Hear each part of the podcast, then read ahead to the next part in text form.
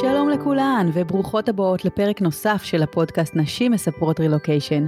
אני מאיה חן, וממש כיף לי להיות פה איתכן. למי שלא מכיר אותי, אני גרה עשר שנים בסיאטל שבארצות הברית, עם בעלי ושלושת הילדים שלנו. אני יזמית חברתית, מנהלת קהילות ובעלת הבלוג 20 דקות מסיאטל, בו אני משתפת בסיפורי ההורות שלי, בטיולים שעשינו בארצות הברית, ובסיפורי הרילוקיישן שלי ושל עוד נשים כמוני. במהלך השנים המון פעמים הרגשתי בודדה, בייחוד כשנתקלתי בכל מיני אתגרים ושאלות בדרך. אחד הדברים שעזרו לי היו סיפורים של נשים אחרות, שחיזקו אותי וגרמו לי להבין שאני לא לבד בתהליך הזה שנקרא רילוקיישן. בפודקאסט הזה אני מראיינת פעם בשבועיים נשים מרתקות מכל רחבי העולם שנמצאות ברילוקיישן. יחד נשמע את הסיפור שלהן, נכיר את האתגרים שהן עברו, את הקשיים שהיו להם ואת הצמיחה וההתפתחות שהן חוו. ואני מקווה שכמו שהסיפורים האלה חיזקו אותי, ככה הם יחזקו גם אתכן. כדי שבסופו של דבר תדעו שאתן לא לבד, גם אם אתן רחוקות מהבית. והיום אני מאוד שמחה לארח את מיכל נרומברג המקסימה. מיכל נשואה לרימון ויחד הם מתגוררים בלונדון כבר שנתיים. מיכל היא מנחת קבוצות עם ניסיון של יותר מעשר שנים בתחום, כשהיא מתמקדת בשבע השנים האחרונות בעולם המיינדפולנס. מיכל חיה לצד כאב כרוני כבר מעל עשר שנים, כאב שהביא אותה ואת בן זוגה לעבור לאנגליה על מנת לטפל בו. במקביל חשף אותה לעולם המיינדפולנס ולדרך בעולם זה יכול לעזור בטיפול ובהתמודדות עם הכאב ועם קשיים נוספים. היום מיכל מלמדת ומנחת קבוצות מיינדפולנס מתוך מטרה לעזור לכמה שיותר אנשים להכיר ולהשתמש בשיטה שעזרה לה. היי מיכל! היי מאיה, איזה כיף להיות פה. איזה כיף שאת כאן, תודה רבה. תודה רבה לך על הפודקאסט הממש ממש חשוב הזה. וואי, תודה, אני ממש ממש שמחה לשמוע. זה, זו הכוונה שלי, שנוכל להעביר את הידע לכמה שיותר נשים. בדיוק. אז, אז מה שלומך? איך, איך אנגליה? איך הסגר באנגליה? מצוין, קצת יותר קר מהסגר הקודם שהיה לנו. ככה ינואר, דצמבר ינואר הביאו את המקור שאני לא חושבת היה שנה שעברה, וזה קצת קשה לבלות בפארקים, אבל עדיין בסדר. יש ככה קרני שמש מדי פעם. כמו הקשת שהייתה לנו היום בבוקר אצלנו בסיאטל, אה, שעושה הכי חשק להתחיל את היום. זה שווה את הכל. ממש, אני מתה, מתה על קשתות. כאילו כל פעם שאני רואה קשת, אני חייבת לצלם. זהו, ככה זה אצלי. אפשר לראות בפייסבוק שלי תמונת קשת, עוד תמונת קשת, עוד תמונת קשת, זהו. טוב, אז תודה שאת פה, ובעצם בעצם מי שהבאתי עד עכשיו, אה, ראיינתי אותו לפודקאסט, אה, עברו בעקבות אה, עבודה של הבן זוג או שלהם, אבל במקרה שלך זאת לא הייתה הסיבה. אז בואי, בואי אני רוצה שנתחיל לשמוע בעצם את הסיפור רילוקיישן שלך, ומה הסיבה שהביאה אותך להגיע לאנגליה. אז באמת שהסיפור רילוקיישן שלנו הוא קצת שונה. הוא מתחיל לא לפני שנתיים שעברנו, אלא לפני 11 שנים. בגיל 18 אה, הייתי ככה אה, בת נוער אה, מלאת רצון ועשייה, הלכתי לשנת שירות, ככה שנת התנדבות לפני הצבא, והתחיל אצלי כאב כרוני מאוד מאוד קשה ולא מוסבר. מה שהיה ממש ממש מתסכל, כי ממש רק שנה לפני סיימתי טיפול של 11 שנה בעקמת נעורים שהייתה לי, עקמת ילדות, סליחה. אוקיי. Okay. חיפשנו המון שנים מה הבעיה, מה המקור לכאב. אה, זה ככה גם המשיך אה, לתוך הצבא ופשוט לא הצלחנו למצוא מה הבעיה או מה המקור או מה בעצם קורה בגוף. Mm-hmm. למזלי בצבא אה, לקראת סוף הצבא כבר ממש עמדו לשחרר אותי לא ידעו מה לעשות איתי. מצא אותי פיזיותרפיסט ככה ברם 2 במחלקה הרפואית שבצבא והוא ראה ככה את הקשר בין מה שקורה לי לטיפול שהיה לי בילדות.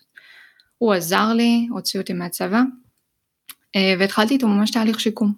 ובאמת גם אה, לתקופה הרגשתי טוב יותר והכאב אה, ככה נכנס לאיזשהו איזון ושליטה. ופחות משנה אחר כך, כשאני עדיין בתהליך איתו, התחיל כאב חדש, והפעם באזור הידיים והצוואר, כאב וואו. הרבה יותר חמור.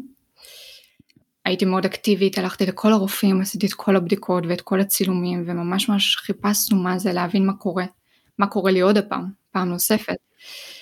עד שיום אחד פשוט הייתה התפרצות מאוד מאוד רצינית של הכאב הזה בצוואר ואני מצאתי את עצמי מרותקת למיטה במשך uh, כמעט חצי שנה. Uh, לא יכלתי ללכת uh, בכלל, זאת אומרת הכאב היה ממוקד uh, בחוליות uh, של הצוואר, ככה שההליכה הושפעה על זה, וואו. פוטרתי מהעבודה, לא יכלתי לעבוד יותר.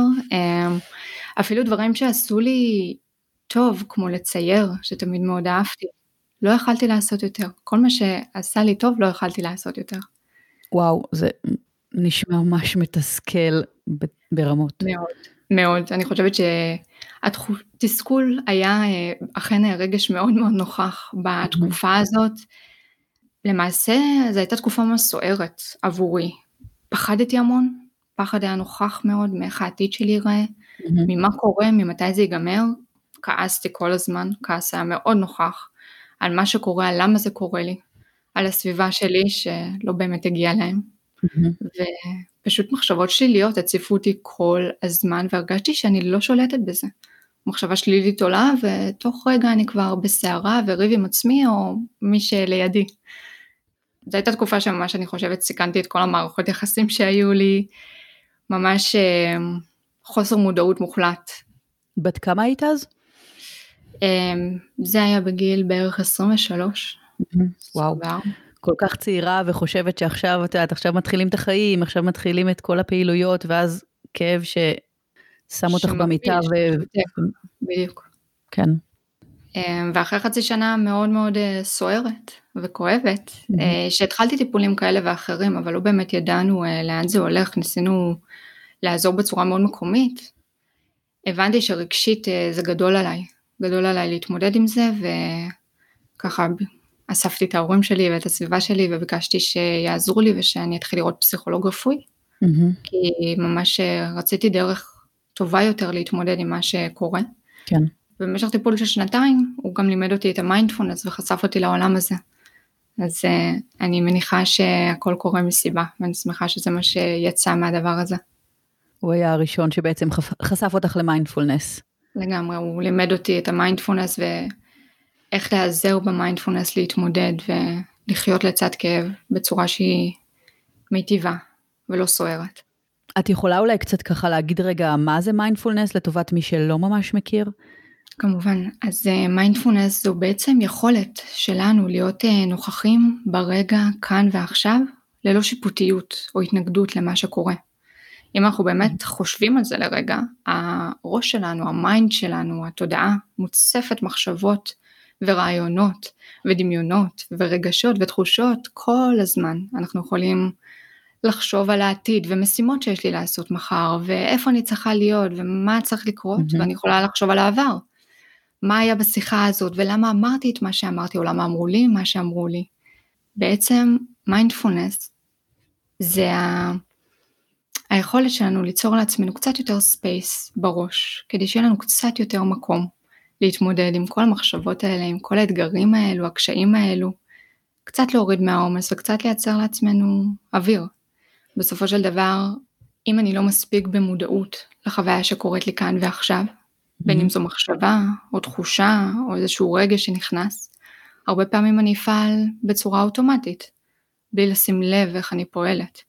אם אני לא אזהה שעכשיו מחשבות אה, כועסות הגיעו, או אולי כאב נוכח והוא מעלה לי את החשיבה הכועסת, ואני אפעל פשוט על אוטומט. בעצם לא באמת תהיה לי בחירה. בחירה לבחור את התגובות שלי. נכון. אז זה בעצם מה שמיינדפולנס מאפשר לנו. עם כאב כרוני זה באמת אה, בגלל שהכאב נוכח כל הזמן. היה צריך את הדקות הזאת של המודעות של מה שקורה. אני לא יכולה לתאר לך את כמות הפעמים שאני אה, התעצבנתי או הייתי חסרת סבלנות או כל כך לא נחמדה לסביבה שלי, נטו בגלל זה שכאב לי באותו רגע, mm-hmm. ולא שום דבר אחר. פשוט באמת להשיג את, ה, את היכולת לבחור, את הביטוי שלנו, שהוא באמת באמת מתאים. מיינדפולנס זה מאוד מאוד חשוב, אני מסכימה איתך. אני גם אה, מנסה ככה לעשות את זה מדי פעם, אבל אה, כן, כי הרי המחשבות האלה מגיעות כל הזמן, לא משנה מה, אתה עושה משהו אחד ופתאום עולה לך הרשימה שלא עשית, או משהו שצריך לעשות עם הילד, או כל דבר אחר כזה, אז לגמרי. זה באמת ממש ממש חשוב. אוקיי, אז בואי, בואי נמשיך רגע, אז בעצם אמרנו שהיית בטיפול אצל הפסיכולוג, נכון? והוא התחיל ללמד אותך ככה על מיינדפולנס, אבל איפה מפה הקשר לרילוקיישן?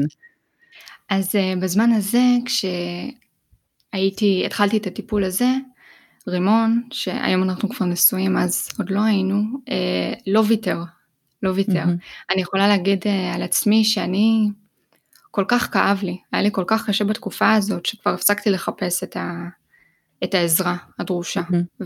ולמזלי, הוא, הוא לא הסכים לוותר.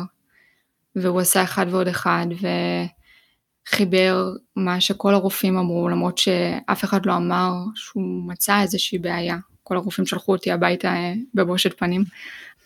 וזה גם, הם לרוב אמרו לי שאני מדמיינת, אבל רימון אה, לא, לא ויתר, ולמזלי, לא הוא ולא המשפחה שלי אף פעם חשבו שזה בראש שלי.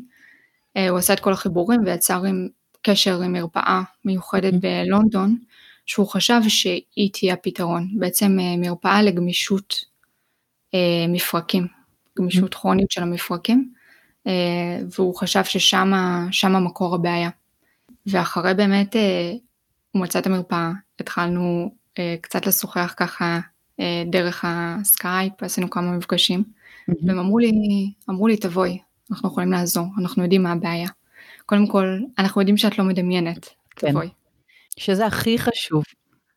לחלוטין, זה כבר הספיק לי כדי לעזוב הכל ולנסוע, ולמזלי, רימון עזב הכל ונסע איתי, לחודש, ומה שהתברר אחר כך כשלושה חודשים, ששם גם הבנתי מה בעצם הבעיה, מה קורה בעצם בגוף שלי, אה, והתחלנו איזושהי תוכנית טיפולים אה, שהתחילה לעזור לי. אוקיי, okay. ואין את הטיפול הזה בארץ, בישראל? אז אז, כש, כשנסענו אז, לפני כמה שנים, עוד לא ידעתי את השם של הדבר הזה. Mm-hmm. אמרו לי זה קשור למה ש... לטיפול שעברת בילדות, זה קשור לגמישות אה, יתר המפרקית, ופה המרפאה פשוט מתעסקת בגמישות יתר. Mm-hmm. היום, כשעברנו כבר לפני שנתיים, נתנו לזה שם, נתנו לזה את השם של אה, תסמונת ארלס דנלוס, זה EDS, שזה באמת אה, תסמונת של גמישות יתר מפרקית, שבאמת מוכרת וקיימת בחלק מה, מהעולם, לא, לא בכל מקום. יש טיפול בארץ, יש גם רופאה בארץ, אבל הצוות הרפואי בארץ לגבי התסמונת הזאת אה, יחסית קטן. אני רציתי יציבות, אני רציתי שיהיה לי תמיד למי לפנות, אני רציתי שיהיה אה, מספיק צוות שיוכל לעזור לי לא משנה מה קורה. הבנו שלעבור לפה יהיה יותר חכם. וואו, אז אמרתם ככה, טוב, אורזים את המזוודות ועוברים לאנגליה. כמובן שזה לקח אה, בין שנתיים וחצי לשלוש שנים, זה אף פעם לא איזשהו תהליך מהר מדי, היינו צריכים ויזה אבל אה, כן, זה מה שהיה. ואיך המשפחה הגיבה לזה? הם אה, פרגנו? באמת שיש לי מזל עם המשפחה ממש אה, מדהימה שיש לי, ממש תומכת שיש לי, גם ההורים שלי וגם האחים שלי. וכמובן שהם תמכו בנסיעה הראשונה, לא, לא באמת היה ברירה וזה לא שמשהו אחר הצליח לעזור לי ורק רצינו לראות איזשהו פתרון. וגם כשהבנו שצריך לעבור לפה באופן מלא יותר אה, לאורך זמן, הם גם מאוד מאוד תמכו, לא שזה קל, מאוד מתגעגעים, מאוד קשה להיות אה, במרחק, אבל הם... אני יכולה להגיד שכשכואב לך או כשאתה חולה, לא יודעת, אני עדיין, לא משנה בת כמה אני, אני רוצה את אמא ואבא ברגעים האלה. כן. וזה מדהים כאילו כמה זה לא, הצורך הזה אף פעם לא מפסיק, ולשמחתי הם כל כך נוכחים בחיים שלי, גם אם זה דרך הטלפון ודרך שיחות וידאו, אבל הם פשוט פה. זה ממש ממש חשוב. את יודעת, לא לכולם יש את, ה, את המקום הזה, או את האנשים האלה שיכולים לעזור, שאת ה, של להיות את הגב שלך, ולך יש גם את ההורים שלך וגם את רימון, שזה באמת... אה, לחלוטין, מזל ממש, גדול. כן, ממש מזל גדול. ממש. אז עברתם לאנגליה, וכמה זמן אתם כבר באנגליה? אנחנו כבר כמעט שנתיים עכשיו באנגליה. ומה הזיכרון הראשון שאת זוכרת ככה מלעבור לאנגליה? מהמעבר עצמו? כן. Uh, ככה אנחנו עברנו כבר אחרי שהיינו כמה שנים קודם למשך כמה חודשים אז. כשהגענו מחדש קצת uh, קצת הכרנו קצת ידענו uh, ככה איפה לגור באיזה שכונות כן באיזה שכונות לא גם ידענו לבוא לגור ליד הבית חולים אוקיי. Okay. שזה היה, אמרנו אוקיי, אם כבר אה, נגור ליד. הזיכרון הראשון שלי מאנגליה, אני חושבת שזה היה הנחיתה, ואז על למצוא את הטיוב. אוקיי. על זה שמתניידים פה באמת בתחבורה ציבורית באופן מלא. וצריך ללמוד איך להסתדר בזה ולא ללכת לאיבוד. לגמרי. כן, נראה לי אתה לא לונדוני אמיתי אם אתה לא הלכת לפחות פעם אחת לאיבוד. אם לפחות פעם אחת עלית על הכיוון הלא נכון של הרכבת. כן, ברור. והיית ככה בחרדה, רגע, למה, למה, למה זה התחנות? זה לא הכיוון, זה לא הכיוון, מה עושים? כן, קרה יותר מפעם אחת. גם לי בביקור שלי בלונדון, אז אה, אני מזדהה.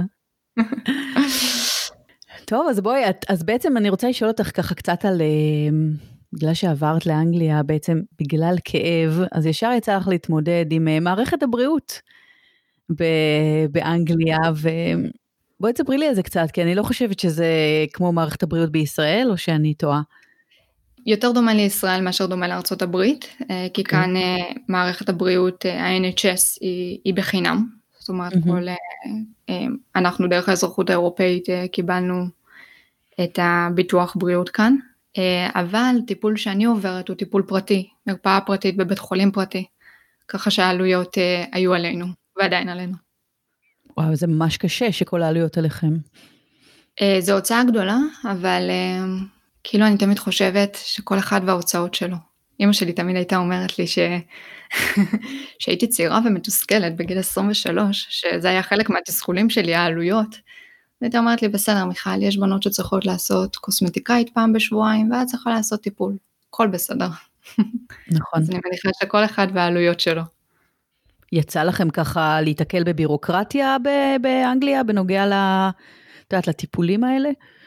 בנוגע לטיפולים פחות, בגלל שבאמת אה, אה, הטיפול באופן פרטי, mm-hmm. אז הבירוקרטיה לא הייתה דרמטית מדי, חוץ מלמלא פרטים לבית חולים, ועם מי ליצור קשר ודברים כאלו. אה, שאר הבירוקרטיה כן יכולה להיות מורכבת, אני יכולה להגיד שאני באופן אישי אה, מאוד קשה עם בירוקרטיה, זה אחד הדברים שמאוד אה, מלחיצים אותי, ולמזלי רימון גם טוב בזה, וגם אם הוא לא אוהב את זה, הוא לוקח את זה כדי שאני לא אתמודד עם זה. אז שזה גם מזל. אז הרווחת פעמיים. ממש. הבן זוג המושלם שגם מטפל בכל הבירוקרטיה ו... וכל הדברים האלה. וגם היה, היה נוסע איתי לטיפולים בהתחלה. אני חושבת שבאיזשהו מקום אה, אני חיה עם הכאב הכרוני, אני חיה לצד הכאב הכרוני, אז אה, את יודעת, ה spotlight הרבה פעמים עליי ועל ההתמודדות שלי. אבל בסופו של דבר להיות בן זוג, לחיות בבית עם מישהו שכאב כרוני ממש ממש קיים, גם לראות מישהו שאתה מאוד אוהב ש, שכואב לו, הוא בחוויה לא טובה, זה, זה ממש ממש קשה, ואני אני רק חושבת על החודשים הראשונים כאן בלונדון כשעברנו, וכמה הוא היה צריך לעשות, והוא היה מגיע איתי לטיפולים, ומוודא שאני חוזרת מהטיפולים, כי להתבלבל ברכבת התחתית שאת אחרי הטיפול, כן. זה לא הרעיון הכי טוב. אני בטוחה. אה, אז אה, ככה באמת באמת שהוא פרטנר מדהים למסע הזה, וזה לא מובן מאליו. ממש לא. יצא לכם לדבר על זה? המון, בסופו של דבר זה, זה אתגר.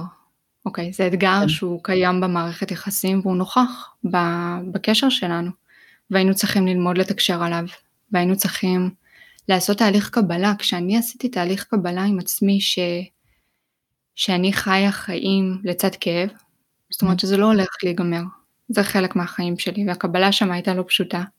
כן. ומון היה צריך לעשות את אותה קבלה. ומתוך הבן אדם הכי אקטיבי שרק רצה לפתור את זה וחיפש את הרופאים הנכונים. לשנות את ההילוך ולהבין שאנחנו עכשיו יותר מנסים ללמוד איך חיים עם זה ולא איך פותרים את זה. זה לא היה תהליך אה, מהיר במיוחד וזה לקח את הזמן שלו אבל אני חושבת בסופו של דבר אה, תקשורת על זה היא נחוצה כמו כל תקשורת אחרת בזוגיות. אני מסכימה. זה חלק מה, מהחיים פה. אין ספק שתקשורת בזוגיות היא מאוד מאוד חשובה. ועל אחת כמה וכמה כשיש לך באמת איזושהי בעיה רפואית או איזושהי בעיה אחרת שאת מתמודדת איתה ו- וצריך uh, לפתור. אפילו מהצד שלי אני חושבת כמות הפעמים שעניתי לו לא יפה או התעצבנתי או הייתי חסרת סבלנות ובשנים עוד שלפני שהבנתי שזה מה שגורם לזה שהכאב זה מה שגורם לי להיות שיפוטית או מתוסכלת או כועסת וצריך לתת לזה שפה, מיינדפולנס למזלי, לשמחתי mm-hmm. אפילו, זו ממש שפה שאת יכולה ללמוד לדבר עם עצמך ולדבר עם הסביבה. וכשאת מבינה מה קורה במחשבות שלך, ואיזה תחושות עולות, ולמה, mm-hmm. ואיפה, ואיפה בגוף, אז את גם יכולה לתקשר את זה טוב יותר לסביבה. אז אני חושבת שהתקשורת שלנו השתפרה פעמיים, mm-hmm. בזכות הכאב הכרוני ובזכות המיינדפולנס. וואו. גם רימון עושה מיינדפולנס? לחלוטין. חייב. כי זה חלק מהתקשורת, כי זה חלק מה... אני חושבת שזה שינה את החיים של שנינו, בסופו של דבר. אני בטוחה. אז אני עכשיו חושבת רגע עלייך, את הולכת אה, למרפאה הזאת פעם ראשונה ואת מנסה להסביר להם ככה, איפה כואב? איך, איך מסבירים את הכאב ב, בשפה זרה? איך זה להסביר בשפה זרה? וואו, זה, זה היה ממש אתגר שלא ציפיתי לו, אני מודה. בהתחלה עוד רמון היה מגיע איתי לטיפולים מהפחד שלי שאני לא אצליח לבטא, שאני לא אצליח לתקשר עם, ה, עם המטפלת, שזה, האנגלית שלי טובה, אבל את יודעת זה מלחיץ, כאילו אולי אני לא אצליח להסביר מה קורה. ויותר מזה יש לי איזושהי נטייה ככה להפחית את רמת הכאב ואת רמת הסבל וככה ורמון תמיד אומר לי למה אמרת את זה ככה זה לא נכון כאילו mm-hmm. תגידי עד הסוף זה, זה המקום שאת צריכה להגיד כמה זה נורא. נכון. והוא היה מגיע בהתחלה אה, לטיפולים ככה אני לא חושבת שיותר מכמה טיפולים עד שככה הרגשתי כבר בנוח עם הפיזיותרפיסטית והתחלנו וגם עם האנגלית שלי ולסמוך על זה שאני יודעת לתקשר. זה התקשורת כללה והיא עדיין כוללת הרבה מאוד סימנים הרבה מאוד הצבעות על הגוף אה, וגם אני חייבת להגיד שתחשבי על זה זה פעם הראשונה שאומרים לי כן הכאב הוא אמיתי Mm-hmm. אפילו עם עצמי לקח לי איזושהי תקופה להיות מסוגלת להגיד איפה ולהצביע על איפה ולדעת שאני לא, שמאמינים לי. זאת אומרת נכון. ש, שיש טעם להגיד. וואו, אני ממש מנסה לחשוב על זה ככה ש... לבוא קודם כל פעם ראשונה ולהסביר איפה, איפה זה כואב ואיך אתה מסביר את המילים האלה. אני זוכרת שילדתי את הבן השלישי שלי פה בארצות הברית ואחר כך אחרי שבוע היה לי כאב ראש מטורף, מטורף, שהגעתי באמת למיון עם זה, ואז אני מנסה להסביר להם איפה כואב לי ואיזה סוג, ואני רוצה להגיד להם את הרמה של הכאב, ואני לא מוצאת את המילים, כי גם כואב לך. אז ממש. את ככה, בכלל, זה כמו שכאילו, את מתה מכאבים, נכון, בלידה, ואז מתחילים להגיד לך, טוב, מה התעודת זהות שלך, מה פה הסקשוריטי שלך, ואת כזה, מה אתם רוצים ממני, רק תנו אפידורל. אני זוכרת שהייתי צריכה להסביר, כי קודם כל, את צריכה גם לתת את התיאור של הכאב, ואת צריכה להגיד האם כאב לך ככה בעבר, האם את מכירה את הכאב, האם את חושבת שהכאב הוא מפרקי, או שרירי, או עצבי, אוקיי, זה, כן. זה, זה רחב. ואני זוכרת שהייתי צריכה בפעם הראשונה לנסות להסביר כאב שהוא מופשט ועמום, ואני כזה, אוקיי, אין לי את האוצר מילים להסביר לכם איך הכאב מופשט ועמום, ואת מתחילה פשוט אה, לסמן ו... ולגמגם משהו, והיו מאוד סבלניים איתי בהתחלה. כן. אני חושבת שהרבה פעמים הם יודעים שאנשים מגיעים מהרבה מדינות, הם לא תמיד יודעים איך להגיד ובאיזה מילים, אז הם בסדר. הם סבלניים. כן, כאן בלונדון זה... אה, בעיקר, זאת אומרת, יש פה המון המון אה, גיוון באוכלוסייה. כן. יש הרבה סבלנות. גם בסיאטל. כבר קרה לי הרבה פעמים שניסיתי למצוא איזה מילה, והתחלתי להגיד מילים מסביב, ואז האנשים מסביבי כאילו מתחילים לשלוף את המילים באנגלית, האמריקאים, וכאילו אומרים זה, ואני אומרת להם לא, המילה הזאת היא לא, ואז אה, כן. זה מה שרציתי להגיד, תודה. בוא נגיד שזה לא עוזר להערכה עצמית בהתחלה, המשחק ניחושים הזה, אבל אה, בסדר, מתחילים להתרגל. כן, זה לא עוזר, אבל מצד שני, אני ככה לקחתי את זה, וזה עדיף שיעזרו לי מאשר אני לא אצליח לבטא את עצמי ולהגיד מה באמת אני רוצה. לגמרי. גם אני הבנתי, זו הייתה הבנה שהייתה לי יותר מאוחר, אולי שנה אחרי, שאם אני מגיעה לטיפול וזה הפעם הראשונה ביום שאני פותחת את הפה באנגלית, ייקח לי זמן לשנות את השפה. אז הייתי מתחילה לשמוע פודקאסטים בדרך באנגלית, וכבר כשהייתי מגיעה לטיפול, השפה קצת יותר uh, הייתה בי. אז זה היה ככה טריק ממש שעבד טוב. האמת שזה טריק ממש חשוב, עכשיו שאני חושבת על זה, גם אני עשיתי אותו לא מעט. כאילו, ברגע שאת מתחילה לשמוע פודקאסטים או, או תוכניות טלוויזיה, לא משנה, כל דבר ככה, את השפה באוזן יותר קל אחר כך אה, להתבטא בה. וואי, ממש, ממש אה, טיפ חשוב, תודה. קחו את זה כטיפ, כי זה ממש עוזר. כן, זה בהחלט עוזר. אה, היה לכם מישהו שהכרתם ככה, שעזר לכם אה, בתחילת התהליך בלונדון? אה, אז ככה, בגלל שבאמת היינו פה לפני כמה שנים לכמה חודשים, ההגעה השנייה כבר הייתה הרבה יותר פשוטה, גם כי הכרנו יותר את לונדון וידענו מה קורה, והמרפאה כבר קיבלה אותנו, זאת אומרת היה מי שחיכה לנו. בהתחלה בהתחלה, כשהגענו לכמה חודשים לפני כמה שנים לטיפול הראשוני, הייתה לנו את הנחיתה הכי לא רכה שאפשר, ברמה של uh, נחתנו ב-11-12 בלילה. הבן אדם שהתקשרנו אליו ששכרנו ממנו דירה לא ענה לנו, הבנו מהר מאוד בתוך המונית שהיינו חלק מסכם כזה או אחר. אמ, ומצאתי את עצמי ב-11-12 בלילה מרימה טלפון, את יודעת לאיזשהו מספר שאימא שלי נתנה לי, של חברה שלה, של חברה שלה, של חברה שלה, שאם אני נתקעת, שאני אתקשר. והיא פתחה לנו את הדלת ואת הבית, ואני זוכרת את הבושה העצומה שהרגשנו באותו הרגע, אבל אה, היא הייתה כל כך מדהימה שזה מהר מאוד, אה, התחושה הזאת לא, לא התקיימה כבר, והיא עזרה לנו ממש בהתחלה. יואו, יש לי צמרמורת שאת מספרת את זה. האחווה של הישראלים, כאילו, בחיים לא ישאירו אותך לבד, לא משנה מה קורה. נכון. זה באמת, אני מכירה, תודה לה, ואנחנו עדיין בקשר, והיא בן אדם מדהים. וכשהגענו לפה אחרי כמה שנים, כבר ידענו לאן אנחנו מגיעים. וגם איך שהגענו יצרנו קשר עם אה, קהילה ישראלית, והיום פייסבוק, וזה מאוד קל, והתחלתי ככה אפילו ידענו מראש שאנחנו צריכים להיות מאוד אקטיביים לגבי החברויות שלנו והחיי החברה וה... מהבחינה הזאת. איך זה באמת היה? כי את מגיעה לפה, את בעצם מגיעה עכשיו ללונדון, ו... ואת יותר עסוקה בעצם בכאב ובהתמודדות עם הכאב, אבל יחד עם זה יש גם עוד אתגרים של רילוקיישן, כמו שוב, השפה, ו... ואין חברים, ואתה לא יודע איפה קונים, אז אה, בואי תספרי לי קצת, איך, איך התמודדת עם האתגרים האלה? אז אני חושבת באמת לשמחתי המיינדפולנס היה איתי מההתחלה של התהליך הזה. וזה היה לי לעזר מאוד מאוד גדול. בסופו של דבר אתה מגיע והכל הכל שונה. הכל שונה. לא משהו אחד שונה, לא mm-hmm. עברת עיר, לא, זה הכל שונה. וזה לשהות בחוסר ודאות ואיזושהי תחושת לחץ ופחדים mm-hmm. מסוימים ש, שאתה לא רגיל אליהם. בנוסף אצלי הטיפול התחיל והוא החמיר את הכאב שלי בהתחלה. אני לא חושבת שהיינו כל כך מוכנים uh, לאיך שזה עובד ובטיפול uh, ממש uh, בגלל הגמישות יתר, mm-hmm. uh, הרבה פעמים חוליות וצלעות ומפרקים יוצאים מהמקום. אז היא, okay. אוקיי. היא מחזירה, במהלך הטיפול mm-hmm. היא מחזירה את זה למקום ואחר כך הייתי מוצאת את עצמי יום יומיים במיטה מהכאב של, ה, wow. של, של מה שהיא mm-hmm. עשתה. והפיזיותרפיסטית הכוונה, כן. ו... ולא לקחתי בחשבון עד כמה גם זה תהיה לי התמודדות. אה, בנוסף לכל העניין של הרילוקיישן, אה, מהר מאוד הבנתי את זה אחרי טיפולים בודדים, ובזכות המיינדפולנס אני חושבת שגם הייתי מאוד מאוד במודעות לקושי שקיים, לשינוי שקיים, ולמה אני צריכה כדי שיקל עליי בתהליך הזה.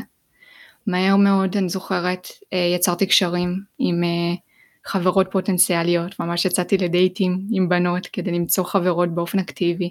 ידעתי שזה האוויר שאני צריכה. איך עשית את זה? אה, ממש הייתי כותבת בקבוצות פייסבוק, אה, מי רוצה להיות חברה שלי? ותתפלאו כמה שמגיבים על זה. מדהים. זאת אומרת, פשוט, אה, פשוט ולעניין, וזה הכי, הכי עוזר. לגמרי. גם אנשים גם מחפשים את זה ולא תמיד יודעים להגיד את זה וגם בסופו של דבר אתה פשוט צריך את האוויר הזה, את השפיות, את האיזון בחיים שלך ומה יותר מאזן מלשבת לכוס קפה עם חברה או נכון משהו כזה. כשאפשר ואין קורונה. כן וואו. חלק מהחוסר איזון בתקופה הזאת.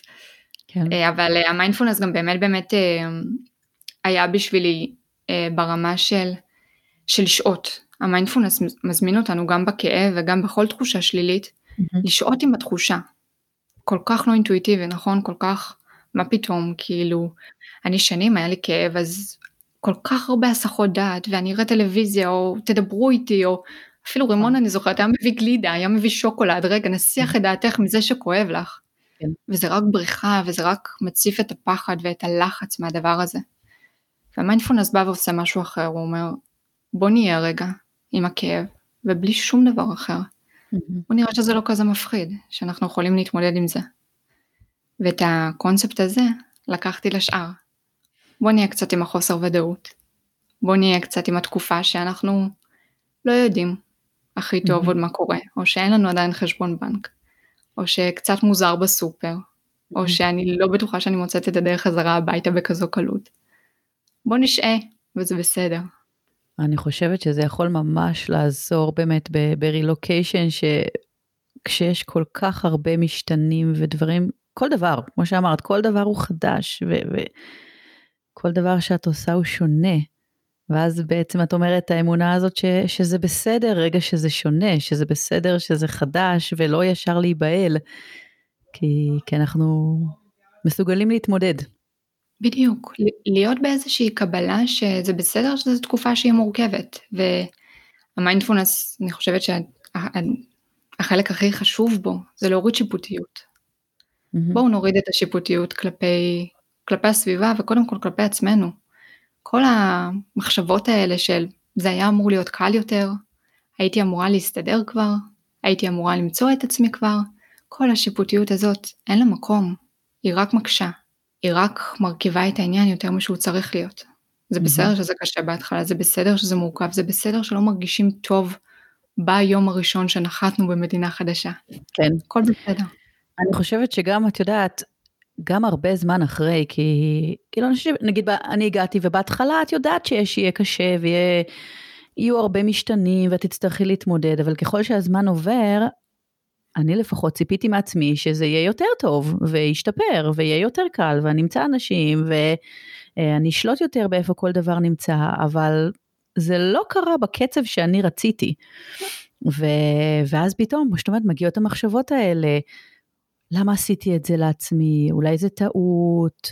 עכשיו גם אני, אנחנו לדוגמה עברנו מטעם עבודה של בעלי ואני לא עבדתי, ואז המחשבות של אה, מה אני עושה ואני לא עושה שום דבר, והאם יש תקווה, אה, כאילו מחשבות האלה לא עוזבות אותך.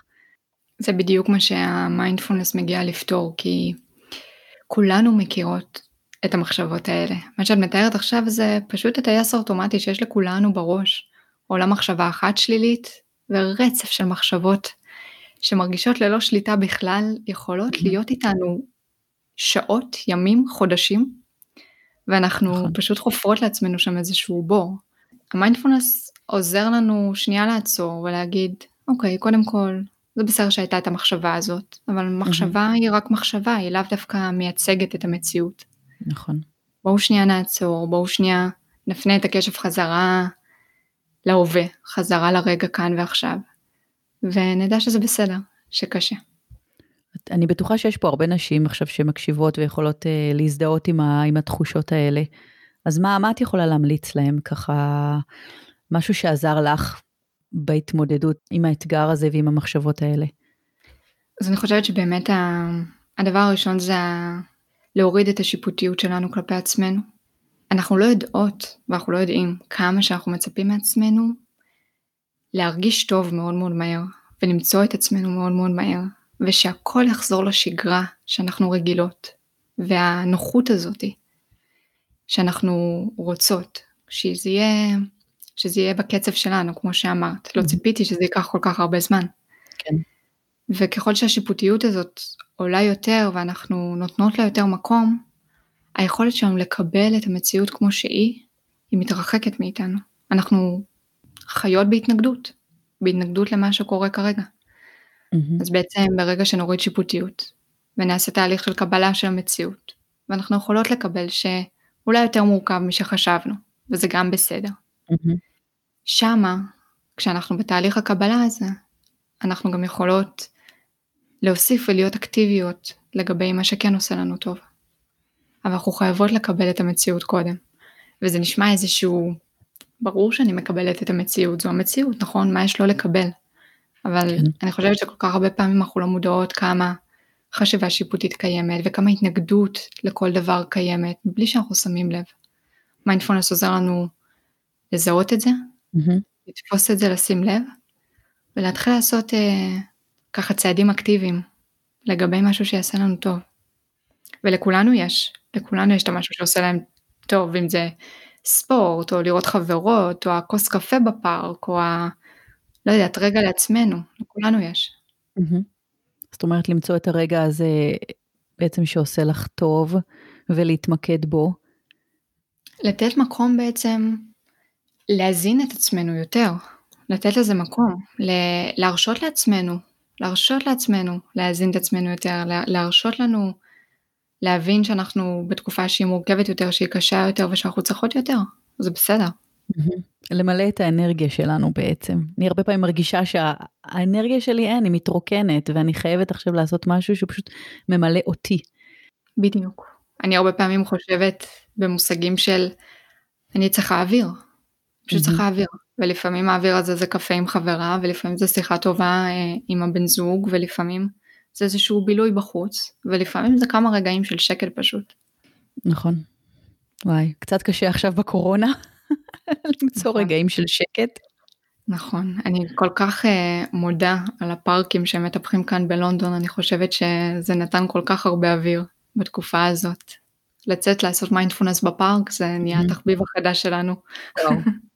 כן, לפחות גם בסיאטל אה, יש לך אה, הרבה הרבה מאוד טבע, הבעיה שיש גם הרבה גשם. אז כן, גם כאן. כן, קצת מקשה. את מוצאת את עצמך גם עושה בכוח חלק מהטיפול שלי, אז אני עושה אה, תרגילים ופיזיותרפיה ובאמת אה, יש לי אימונים אה, מאוד רציניים כל יום, וחלק מהאימון זה לעשות הליכה של 6-7 קילומטר כל יום. ואת מתרגלת לעשות בגשם, לעשות במינוס שתי מעלות שהיה שבוע שעבר, כי זה חלק מהטיפול, ואם אני לא אעשה אז יכאב לי יותר. אז פתאום מצאתי את עצמי מתרגלת לדברים שבחיים לא תיארתי לעצמי שאני אתרגל, ואפילו נהנית מהם. האמת, אני רואה פה מלא אנשים שרצים בחוץ, גם בגשם, גם, לא משנה, להם לא אכפת. ואני חושבת שזה באמת state of mind כזה של, אה, כן, אם זה מה שעושה לי טוב, אני אעשה את זה, לא משנה, אז אחר כך... אה, אה אני מצטערת אימא, אבל אני לא אקבל דלקת ריאות אם אני אצא החוצה ואני ארוץ בחוץ, גם שורד גשם. לגמרי. וגם האופציה של להישאר בבית מול הטלוויזיה, הרבה פעמים הנוחות הזאת קורצת לנו, אבל היא לא באמת גורמת לנו להרגיש טוב אחר כך. זאת אומרת, לרוב הפעילות, ואני אומרת את זה בתור מישהי שללכת כואב לה, כן? אבל uh, הפעילות היא, הלא להיכנע לנוחות, זה תמיד משהו שיעשה לנו טוב יותר בסופו של דבר. וואו, זה משפט uh, ממש ממש חשוב. רמון תמיד עוסק בנוחות שלו, במודעות mm. לנוחות שלו ומה זה זה, והוא תמיד אומר לי, יש לך כזה הרבה מזל. אני אומרת לו, איך העסקת את זה? ממה העסקת את זה? והוא אמר, בגלל שה... הגוף שלך משדר לך כאב כרוני כל הזמן, mm-hmm. את אף פעם לא בנוחות, כלום לא נוח לך. לא נוח לך לשבת, לא נוח לך לישון, לא נוח לך ללכת, כלום לא נוח לך. את תמיד בעשייה, את תמיד יוצאת מאזור הנוחות שלך, לא משנה מה. את תמיד אקטיבית לגבי האושר. שלך ומה עושה לך טוב. הוא אמר לי פעם, זו מתנה יותר משאת חושבת. ואני חושבת שיש משהו אמיתי ונכון במה שהוא אמר. וואו, תשמרי את הרימון הזה, נראה לי הוא... אה, יש לו, יש לו את זה, כן. רימון, כל הכבוד. לגמרי. ממש, ממש צודק. אז ציינו פה כמה אתגרים ככה שהתמודדת איתם, ורציתי עוד לשאול אותך, איך, אה, מה עשית בצורה אקטיבית כדי להתמודד עם הכאב, חוץ מבעצם ללכת למרפאה, ואת יודעת, לעבור את הטיפולים הפיזיות אה, של טיפולי הפיזיותרפיה? אז באמת אה, כשהגעתי לפה אה, עשיתי את מה שאני יודעת לעשות וחיפשתי קבוצת מיינדפולנס להיות חלק ממנה. כדי להבטיח mm-hmm. שזה יהיה חלק מהשגרה שלי ואני לא אתפתה להפסיק. Mm-hmm. וחיפשתי בעברית כי יש פה קהילה מאוד גדולה של ישראלים ולא מצאתי. ועדיין יש משהו בעברית שככה קורץ יותר כשזה מגיע לשיח שהוא כזה. נכון. וכשהבנתי שלא קיימת קבוצה בעברית אז אמרתי אוקיי בוא, בוא נקים קבוצה. כתבתי ב, בקבוצת פייסבוק של ישראלים בלונדון בכמה קבוצות שאני רוצה ככה להקים קבוצה ושמי שרוצה להצטרף לתרגול המשותף אני אשמח. הפוסט אה, צבר יותר תאוצה משחשבתי, היו מעל 30 תגובות ופניות לגבי הרצון להיות חלק מהקבוצה הזאת, ושמחתי מאוד ככה לארח את המפגש הזה אצלי בבית. אנחנו מדברים עוד טרום קורונה שהיה אפשר. ואני מגיעה לממש יום המפגש ואני מדברת ככה עם, בטלפון עם אנשים, אומרת להם איך להגיע לבית וככה מכוונת אותם. ואני מבינה שבעצם אף אחד לא יודע מה זה מיינדפולנס. וכשאני okay. התכוונתי שאנחנו נגיע לקבוצה שמתרגלת ביחד, הם התכוונו איזה כיף יהיה ללמוד, בבקשה תלמדי אותנו. אז uh, בלי לחשוב יותר מדי, ככה זה גם היה on the spot וגם uh, לא הייתה לי בכלל uh, שאלה עם עצמי. התחלתי ללמד. יש לי רקע ארוך בהנחיית קבוצות והדרכה ובניית תהליכים הדרכתיים, אז פשוט התחלתי להעביר את המיינדפולנס. ונוצרו כאן uh, שתי קבוצות שהיו מגיעות אליי uh, פעמיים בשבוע, באופן uh, נורא ככה מתמיד לכמה חודשים. וראיתי שזה האוויר שלי, זה מה שנתן לי אוויר. Mm, נשמע לה... מדהים. להעביר את הדבר הזה הלאה, לעשות אותו ביחד, זה היה מה שהייתי צריכה. וככה מצאת את האוויר שדיברנו עליו מקודם. וואי, זה פשוט uh, מדהים איך, uh, את יודעת, איך, איך הדברים מתגלגלים. בעצם בסופו של דבר, שהמיינדפולנס הוא לא רק עוזר לך לכאב, הוא גם עוזר לך להעביר את, את מה שאת יודעת הלאה. לחלוטין. ולעזור לעוד אנשים. זה נהיה הדבר ש... שנהיה לי בסופו של דבר הכי חשוב. אם זה כל כך שינה לי, אם זה כל כך שינה לנו, לי ולרימון ברמה האישית, אין ספק, אין לי ספק כמה זה ישנה לאחרים.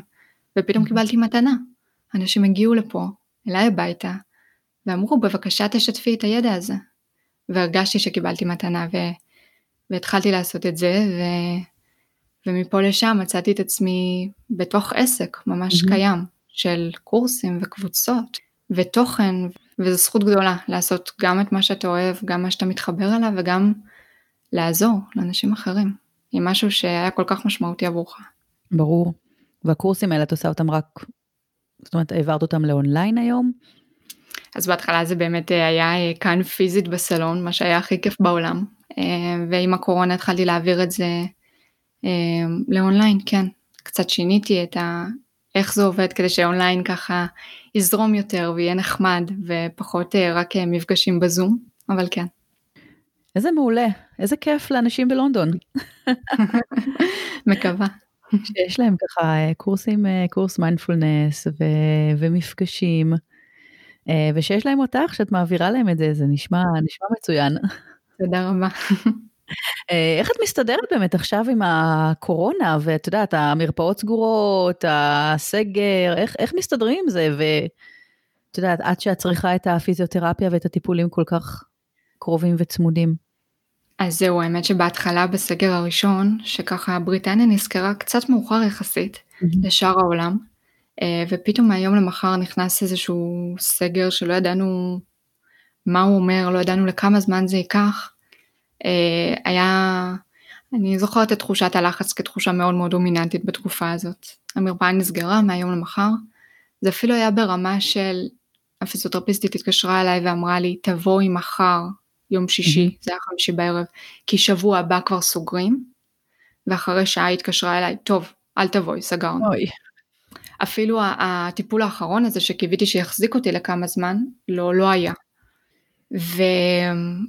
והתחילה היסטריה, לא נשקר. היה, כן. באמת התחילה איזושהי חוויה מאוד מאוד uh, מלחיצה, כי אני מאוד זוכרת את התמונה, אני נמצאת uh, כאן uh, בחדר עבודה, אני מתכתבת עם הפיזיותרפיסטית דרך המייל, אני תוך כדי שומעת את רימון מדבר עם ההורים שלי על ספיקר מהסלון, ואני שומעת את הלחץ וההיסטריה ומה עושים, ו...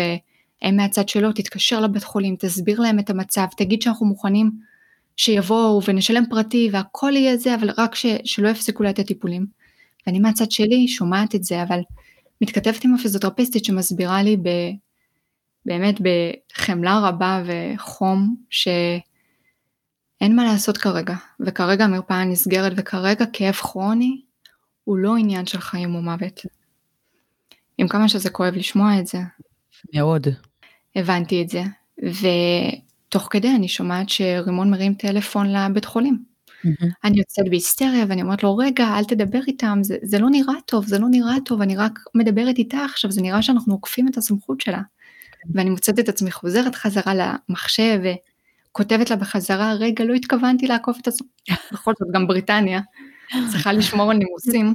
ברור. אמ, ואני זוכרת שהיא כתבה לי הודעה חזרה, והודעה שגרמה לי ככה לשבת מול המחשב כמה רגעים בשקט מוחלט ועם דמעות בעיניים, והיא אמרה לי, כתבה לי שם, מיכל זה נפלא ומדהים כמה ההורים שלך אוהבים אותך ולכמה וכמה לרימון אכפת. Mm-hmm. אבל תזכרי שלחץ שלך או של הסביבה שלך מגביר את הכאב.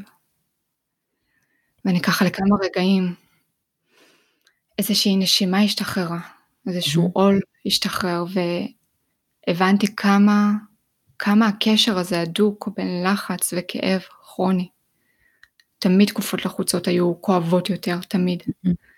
זוכרת יצאתי חזרה לסלון והכרזתי ש... שאני מאוד מודה להם על, ה... כן. על האקטיביות בחיים שלי, כי זה לא מובן מאליו. אבל עכשיו אני צריכה להסביר איך הדברים ייראו ואיך הם באמת יכולים לעזור לי. נכון. והם יכלו לעזור לי בכך שהתחלנו חודש ללא לחץ פשוט. Mm-hmm. הגברנו את התרגולים של המיינדפולנס וכל דבר שקרה, כל איזשהו מצב שהיה לנו להתמודד, חזרנו להתמודד איתו דרך העיניים של מיינדפולנס קודם כל. ועשינו את זה בצורה מאוד מאוד אקטיבית רימון ואני למשך חודש. Okay. אוקיי. ואחרי החודש הזה גם מצאתי את עצמי לוקחת את הדבר הזה שכל כך הציל אותי בתקופה הזאת, המיקוד הזה, ומכינה מזה אתגר דיגיטלי, והיום אני עוזרת לאנשים אחרים לחוות את התקופה הזאת עם קצת פחות לחץ. אני יודעת שראיתי את האתגר, עוד לא יצא לי לעשות אותו, אבל אני... התקופה הזאת של הקורונה היא מלאה בסטרס. המון. באמת, של כל כך הרבה אנשים שאיבדו את העבודה, או לא בטוחים מה יהיה איתם, או מתי הם יראו את האהובים שלהם, או אנשים שחס וחלילה נפטרו, והתמודדות, התמודדות כזאת, אז אני בטוחה שזה משהו שמאוד מאוד יכול לעזור. לכולנו בכל מצב, ובטח עכשיו. ואני גם אשמח לשים אחר כך את הקישור ל, אה, לאתגר הזה ככה אצלנו בפרק, אני בטוחה שזה יכול לעזור להרבה הרבה אה, אנשים. אני חושבת שגם אנשים, אנחנו לא באמת יודעים כמה אנחנו צריכים להשקיע ולהיות אקטיביים לגבי הרוגע שלנו והשלווה שלנו והשקט הפנימי, עד שלא קורה משהו כזה שפשוט מטלטל אותנו. וזה הדבר הכי טוב שאנחנו יכולים לתת לעצמנו, להיות אקטיביים לגבי הרוגע שלנו, כי אין משהו חשוב יותר. כשאנחנו רגועים, הכל, הכל מסתדר. אנחנו מתפקדים טוב יותר, בכל מצב לחץ שלא יהיה. נכון. אז מכיוון שאנחנו מתקרבות לסיום, אני אשמח uh, לשמוע uh, איזה מסר היית רוצה להעביר לאישה שמתחילה עכשיו את תהליך הרילוקיישן, או שנמצאת בשלבים הראשונים. אני חושבת uh, להבין שזה תהליך, בדיוק כמו שאמרת. אמנם השינוי הוא נעשה בבום והוא מהר כל כך, אבל ההסתגלות שלנו לשינוי הזה היא תהליך, והיא לוקחת זמן, וזה בסדר. באמת אפשר להיפטר מהשיפוטיות או התסכול שיש לנו כלפי עצמנו, כלפי הציפיות שהיו לנו, ופשוט להיות ברגע עם מה שאפשר, לקבל את המציאות כמה שיותר מהר, גם את זה שהיא מורכבת וקשה, mm-hmm. להתחיל להיות אקטיביות לגבי האושר שלנו, הרוגע שלנו, החיוביות שלנו, ולמצוא את האוויר, שכל אחד תמצא לה את האוויר, כי יש לנו נטייה לוותר על זה, לעשות הכל בשביל כל מי שסביבנו, ולהרגיש שאנחנו יכולות לוותר. אבל אנחנו לא יכולות. ולהפך, אם אנחנו רוצות להיות בשביל הסביבה שלנו, אנחנו צריכות לשים לב שאנחנו מזינות את עצמנו. וואו, זה כל כך כל כך חשוב. עכשיו נגעת בי ממש למצוא את האוויר שלנו. זה מסר כל כך כל כך חשוב.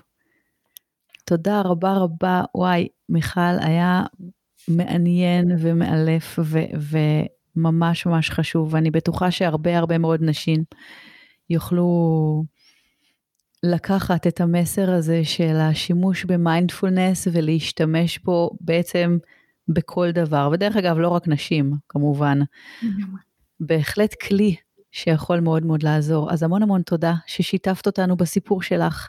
בשמחה, תודה רבה שהזמנת אותי לשתף. איפה ואיך אפשר ליצור איתך קשר?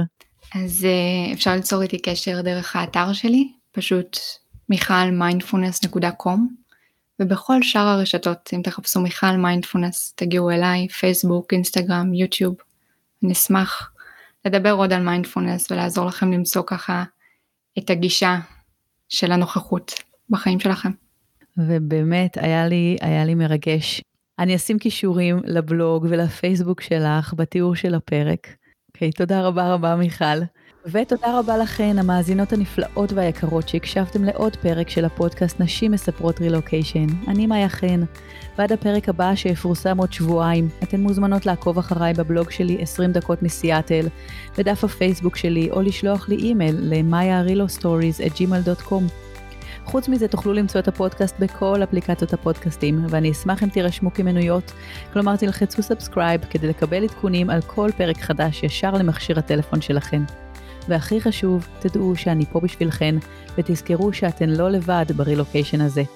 שיהיה לכם יום נפלא, ונתראה בפרק הבא. ביי. ביי.